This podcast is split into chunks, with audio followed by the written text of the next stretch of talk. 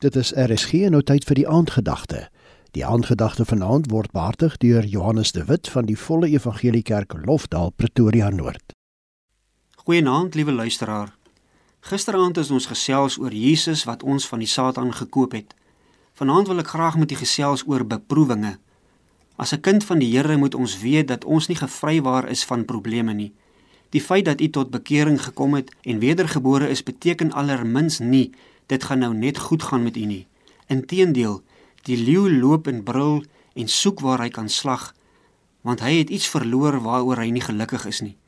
Dis sal hy baie planne maak om jou te ontmoedig om die Here te dien en jou ou sondige lewe weer terug te neem. Kinders van die Here gaan deur dieselfde uitdagings as die mense van die wêreld. Ons word ook siek.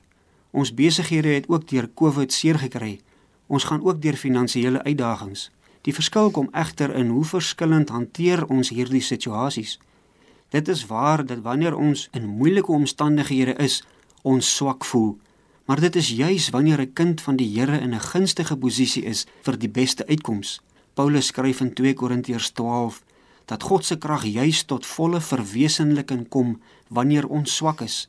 En dan sê hy, sal ek eerder spog met my swakhede sodat die krag van Christus voortdurend deur my kan werk.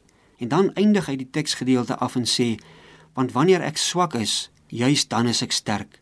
Waarom kan ons roem in ons swakheid? Dit is tog nie normaal om te spog oor ons moeilike tye nie. U sien wat ons as God se kinders doen is om eerstens te weet ons kan nie op eie vermoë uit ons moeilikheid kom nie. En dan tweedens gee ons dit vir God om te hanteer want hy wil en hy kan. Maar dan moet ons dit werklik vir hom gee en terug staan. As ons gedoen het wat ons kan, dan gaan krap ons nie weer waar God werk nie, want dan gaan hy terug staan. Ons kan nie op hom vertrou en in dieselfde asem vir hom sê om terug te staan nie. Luisteraar, in watter omstandighede het ons teespoed die beste kans om verby te gaan? Wanneer ons dit self hanteer of wanneer God dit hanteer? Paulus het hierdie goue reël verstaan.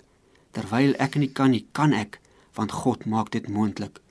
Jakobus 1 vers 2 tot 3 sê: "Ag, dit louter vreugde my broeders, wanneer julle in allerlei versoekinge val, omdat julle weet dat die beproewinge van julle geloof lydsaamheid bewerk.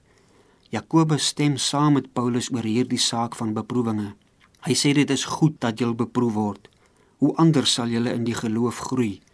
'n Verhouding met die Vader verseker 'n fyn ingesteldheid om die stem van die Heilige Gees te hoor en weet verseker hy sal jou leiding gee en hy sal jou waarsku en as jy kies om gehoorsaam te wees, sal jy die beproewinge met grasie hanteer. Kom ons bid saam. Vader, dankie vir beproewinge. Leer ons om dit te geniet in Jesus se naam. Amen.